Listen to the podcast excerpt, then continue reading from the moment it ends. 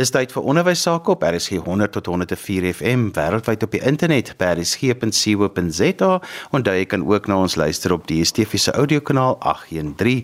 Die program is ons in die onderwys saam met my Johan van Lille. Vandag gesels ons met Dr. Jannie Leroux. Hy's 'n ou bekende op ons program en Jannie is onder andere inspirasiespreker en skrywer en Jannie is hier aan die einde van 2022 om weer met ons te gesels soos hy al vir soveel jare doen. Janet, jy nou hierdie jaar ons program begin het met jou inspirasie, moes ons nog maskers dra, ons moes nog in die skole 'n sekere afstand vir mekaar wees, maar al hierdie regulasies vir die hantering van COVID-19 het soveel uitdagings gestel aan beide onderwysers en leerders. En dit het, het soveel stres gebring want alles was vir ons nog so onseker.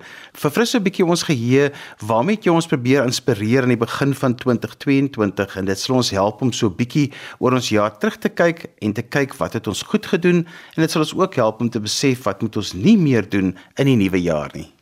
Johan, luisteraars, baie dankie vir die geleentheid. Ek het vir jou weggetrek met die vraag: "Waar is jou kurktrekker?" Sodat elke keer as 'n mens voel, "Hoe maak ek nou?" net vir jouself of vir jou span kan sê: "Waar is jou kurktrekker?" Ja nee, ek onthou nog dat jy gesê het die gedagte is nie om 'n bottel wyn in die klas oop te maak nie. Jy het 'n ander betekenis daaraan gekoppel om ons te help. Wat was dit nou weer? Ja, die kurktrekker uitdrukking gaan eintlik oor 'n manier van dink. Uh dis wat 'n mens in uitdagende tye moet toepas. Destyds tydens die Tweede Wêreldoorlog het Winston Churchill verklaar, hulle het meer mense met daardie tipe denke nodig. Corkscrew thinkers het hy dit genoem. En daarmee het hy bedoel ons moet nie op 'n gewone manier van A na B na C met antwoorde lineêr probeer dink nie. Want dan dink almal op dieselfde manier en niemand kom eers nie. Ons moet op 'n kreatiewe manier kyk na probleme en dan op daardie manier met innoverende oplossings vorendag kom. So ek dink aan daai tipe kurktrekker wat soos 'n mannetjie of 'n vroutjie lyk met die arms langs die kant en die kop bo. Uh die kop is die vraag, wat wil ons werklik bereik? Nou in die ene arm sal jy gewoonlik een opsie en die ander 'n ander opsie om te kom by hoe ons en wat ons wil bereik. Hierdie opsies is heeltemal teenoor mekaar. En dan is mens geneig om of die een of die ander opsie te kies. Maar wat ons aan die begin van die jaar vir mekaar gesê het, ons moet verby hierdie of of beweeg. Ons moet nie die twee teenoor mekaar stel nie. Ons moet eerder kyk na en en. Dit beteken dat oënskynlik teenoorgesteldes wanneer dit saamgevoeg word, 'n totaal nuwe en innoverende opsie kan bring. 'n Voorbeeld wat ek sommer nou aan dink van en en opsies is dat ons 'n plaas van of brandstof of batterykragmotors gebruik, ons ook 'n hibriede vorm van motor kry wat beide en in die toekoms selfs nog meer vorms van kragopwekking kan gebruik. So dit is corkscrew thinking. Nou ons weet in die onderwys was een van die uitdagings in die begin van 2022 nog hoe gee ons onderrig sonder dat ons noodwendig die leerder in 'n fisiese ruimte saam met ons het. En toe het dit gegaan oor onderwys via die internet, WhatsApps, video's, uh, allerlei ander maniere van die media. En later toe word dit ook 'n en en waar klas verdeel word om sekere binne die gesondheidsbeperkings dan 'n sekere deel van die klas laat klasloop en 'n ander deel dan op 'n later tyd laat doen. Wat natuurlik uiteraard baie baie eise aan onderwysers en leerders gestel is. Maar nou kon hulle omruil, kon die fisiese ruimte dan op daardie manier saam benut. Wat met die inperkings tydens COVID-19 pandemie gebeur het, is dat wat ons vermoed het baie ver in die toekoms sou gebeur, so versnel het dat dit oornag moes begin gebeur. Ons het almal geweet onderrig en opvoeding via die internet en sosiale media gaan al hoe meer kan gebeur. Maar met eens moes dit gebeur. So begin my om vir elke opvoeder geluk te wens met die aanvaar van die uitdaging om ondanks die beperkings wat jy moes hanteer, steeds jou beste te lewer. Ook dat jy ten spyte van jou eie onsekerhede en stres ingeklim het en ek glo die bes vir jou leerders probeer het. Ek weet baie skole het eenvoudig nie die finansies gehad om al die sogenaamde noem dit maar state of the art opsies vir hulle leerders te gee nie. En tog het onderwysers hulle bes gedoen. Ek het oral stories gehoor van hoe hulle kreatief innoverend probeer het om hulle leerders te help. Ons weet baie kinders is as gevolg van die onderbrekings heelwat agter waar hulle sou moes wees. Maar ons is nog altyd in 'n land waar moed en durf een van ons kenmerke is en ek glo dit kan nog altyd verbeter. Die kuns en opvoeding gaan wees na my persoonlike mede mening om die leerders en skole wat nie die finansies het vir al die ondersteunende tegnologie nie te help om dit in die hande te kry en hulle te leer ook hoe om dit te gebruik. Help jy het al die goed en jy kan dit nie gebruik nie. Dit sal nog vinniger moet gebeur Anders val ons weer terug in ons ou gedragspatrone, denkpatrone wat ons leerders glad nie gaan help vir die vereistes van die toekoms nie. Tweedens dink ek, sal leerders wat onbetrokke geraak het, gehelp moet word om meer betrokke te raak in plaas daarvan om die skool te verlaat. COVID-19 het ons almal gehelp om minder of of te dink en meer en en. En ons moenie hierdie voordeel verloor nie. Dis kirktrekker denke op sy beste. Dis uiteraard innoverende denke. So na aanleiding van kirktrekker denke, beantwoord vir jouself net die vraag: Wanneer vanjaar het ek as 'n opvoeder gekies vir die en en opsies en iets kreatiefs en dit kan hoe klein ook al wees, maar dat ek iets kreatiefs daarmee vernuwend gedoen het. En wat het ek daai uit geleer? En hoe kan ek dit wat gewerk het nog meer verbeter? Janie, jy is altyd so lief om vir ons 'n woord te gee waarvan die letters ons help om te onthou waaroor die jaar se inspirasie gaan. Nou jy die woord kirk na aanleiding van die van kirktrekker gebruik. Die K was was vir kirktrekker. Verfris bietjie my geheue vir waarvoor het die U dan gestaan? U staan vir uitsonderlik. Ek het gereken ons moet vir jaar nie kyk na wat die gemiddelde is waaraan ons moet voldoen nie, want dan dwing ons almal tot gemiddeld wees. Vir 'n wêreld met ons unieke uitdagings het ons nodig wat uitsonderlik is. Dis die wat anders as die gemiddelde is. Uh, die joernalis Malcolm Gladwell gebruik die woorde die outliers om dit so te stel. Die ouens wat bo die grafiek is. Die vraag is wie was vir jaar uitsonderlik en wat kon ons by hom of haar leer. Nou die punt is, dit hoef nie 'n A-kandidaat te wees nie. Dit kan wees dat jy 'n student of 'n skoolier gekry het wat jou gehelp het om jou tegnologiese vermoë te verbeter. Wat het jy dan by hom of haar geleer? Of van wie het ek gehoor wat uitsonderlik is in my vakgebied en in my manier van onderrig gee by wie ek kon leer? Ek het so 'n bietjie gaan naslaan, weet vir jare toeskenning gekry vir die beste onderwyser en wat was die persoon se reaksie? Nou vir jaar se toekenning lyk dit vir my het gegaan aan beide Ali Alfred Mokgala van Franse Twee Hoërskool in Limpopo as ook Adil Sheikh Mungali van Yusuf Dadoo Primary School in Gauteng. Ek hoop ek spreek die name reg uit. Dit het my opgeval wat Ali gesê het in 'n onderhoud met Cape Talk. I wasn't doing this in order to be honored. I wanted to transform somebody's life from point A to another level where they'll be able to pursue something in life and be a successful person. Ek sien uit in 2020 gedurende die die aanlyn klasse in uh, in COVID-19 het hy begin of vir Kitonga sy studente mee te help op te vang. En hierdie platform is toe ontdek deur leerders van Gauteng en Mpumalanga. Aan die ander kant weer het Adil sy toekenning gekry vir al omrede sy betrokkeheid in die gemeenskap. So mense weet nooit hoe ver die impak kan wees van dit wat jy uitsonderlik doen nie. So die vraag is tweeërlei. Wat was vir jaar vir my uitsonderlik en wat het ek by hom of haar geleer? Aan die ander kant, persoonlik, wat was vir my uitsonderlik? Waar was ek daarmee uitsonderlik? Wat kan ek in die toekoms daarvan leer? Onthou selfs al het jy vir jouself 'n 3 uit 10 uitgegee vir iets uitsonderliks, gaan dit nie oor goed dit was nie, maar wat 'n poging jy aangewend het. Ek het onlangs ingeskakel op 'n Facebook groep wat gaan oor my tuisdorp en die mense daar. En toe kom al foto's op van onderwysers. En ek het sommer net besef watter wonderlike impak daardie persone en ek kan elkeen van hulle sê wat hy of sy erns iets in my lewe gedoen en beteken het. Dit het my lewe veranderlik. Dit was uitsonderlik. So, Johan, ek dink iemand wat onderrig gee is in 'n sekere sin nooit van diens af nie, want jy gaan die hele tyd in jou onderbewussyn of selfs bewuslik besig wees om te kyk, hoe kan ek kundigheid verbeter? Hoe kan ek nog beter onderrig gee? Elkeen het vir jaar iets uitsonderliks gedoen. So wat was dit? As jy sopas ingeskakel het, jy luister na ons in die onderwys saam met my Johan van Lille. My gas vandag is Dr. Janie Leroux, bekende skrywer en motiveringsspreker. Ons gesels 'n bietjie vandag oor die jaar wat verby is. Janie het aan die begin van die jaar vir ons 'n motiveringspraatjie gegee oor hoe ons die jaar kan aanpak en nou vandag kyk ons 'n bietjie terug oor die jaar. Janie, ons het nou al 'n bietjie gekyk na kirktrekker denke en jy het vir ons die woord kirk gekies wat hierdie begin van die jaar om hierdie jaar vir ons te rig. Ons het nou na die K en die U gekyk. So nou is dit tyd vir ons om oor te gaan na die R toe. Ek het destyds 'n R van die woord kerk gebruik om te herinner dat R ons moet help om realiteitsbewus te leef. Ek was destyds en ek is nou nog steeds geskok oor hoeveel studente selfdood oorweeg het en selfs ook gepleeg het. En dit het my laat besef ons sal leerders en natuurlik ons onderwysers ook moet help om die vinnige pas van die lewe en die stres en die angstigheid te hanteer. Nou as jy realiteitsbewus leef, dan begin 'n mens beheer hê oor jou gedrag, oor jou gedagtes. En dit moet ons bly aanleer om in die oomblik bewustelik te leef. Want die oomblik is eintlik al wat ons het. Dit beteken dat ons dan minder angstig raak want jou asemhaling verander byvoorbeeld vir een en jy gee aandag aan die realiteit soos dit hier en nou is.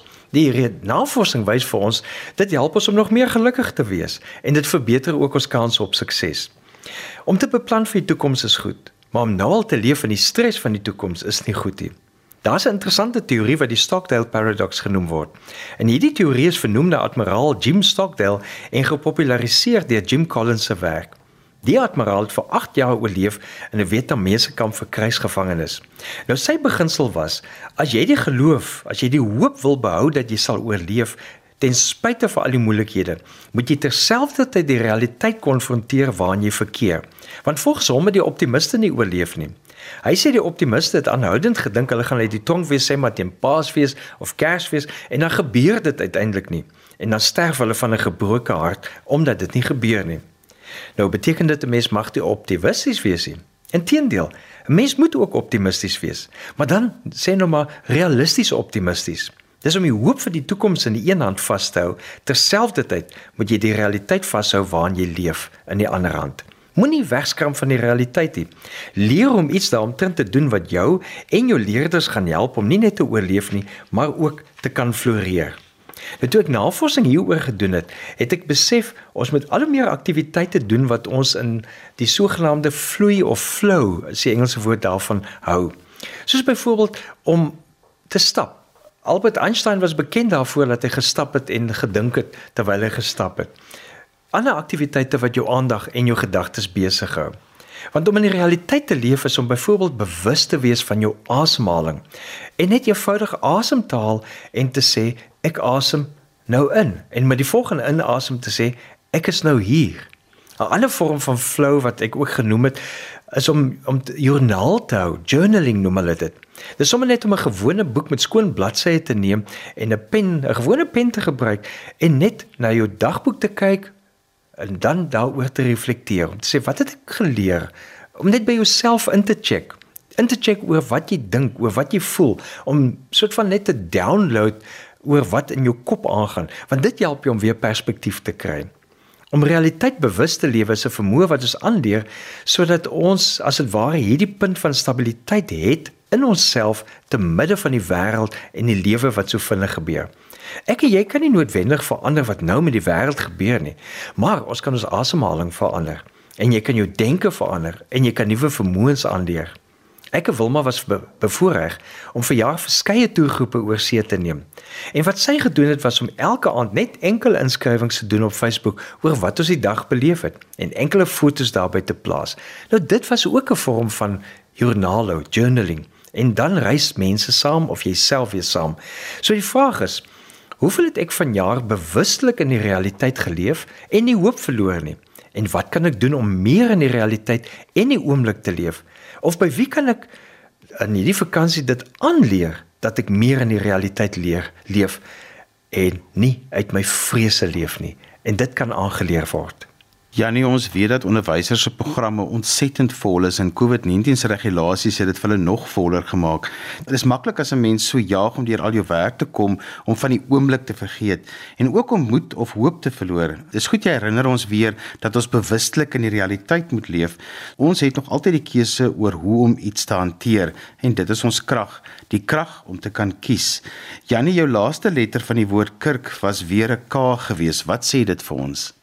Ek het daai woord gebruik vir koneksie intelligensie. En eintlik soos ek deur die jaar gegaan het, het ek net al hoe meer besef hoe belangrik dit is. Want terwyl ons deur selfone en die internet omtrent oral koneksie kan hê, moet ons meer aandag gee aan hierdie spesiale koneksie met spesiale mense. Die spesiale mense is enige iemand wat anders is as jouself. Natuurlik moet jy vir jou familie ook omgee, maar daar's ander mense ook. Dis ander mense wat van jou verskil in terme van jou geslag, in terme van jou kultuur, terme van jou seksualiteit, jou ouderdom, in terme van sosio-ekonomiese omstandighede. Dis mense wat van jou verskil in terme van intellektuele of self fisiese vermoëns of selfs geloofs-oortuiging. Ek het byvoorbeeld dit uh, nou onlangs in Israel gesien hoe hulle 'n hele busgroep aflaai by die Masada uh, uitkykpunt uh, in Israel waar daardie mense so 'n groot stuk geskiedenis gehad het. Maar wat my opgeval het van daardie hele busgroep was, dit was 'n hele bus vol mense wat in rolstoele was. En stuk stuk moes ek kyk hoe hulle dit hanteer, want die feit dat jy in 'n rolstoel is, beteken nie jy het opgehou met die lewe nie.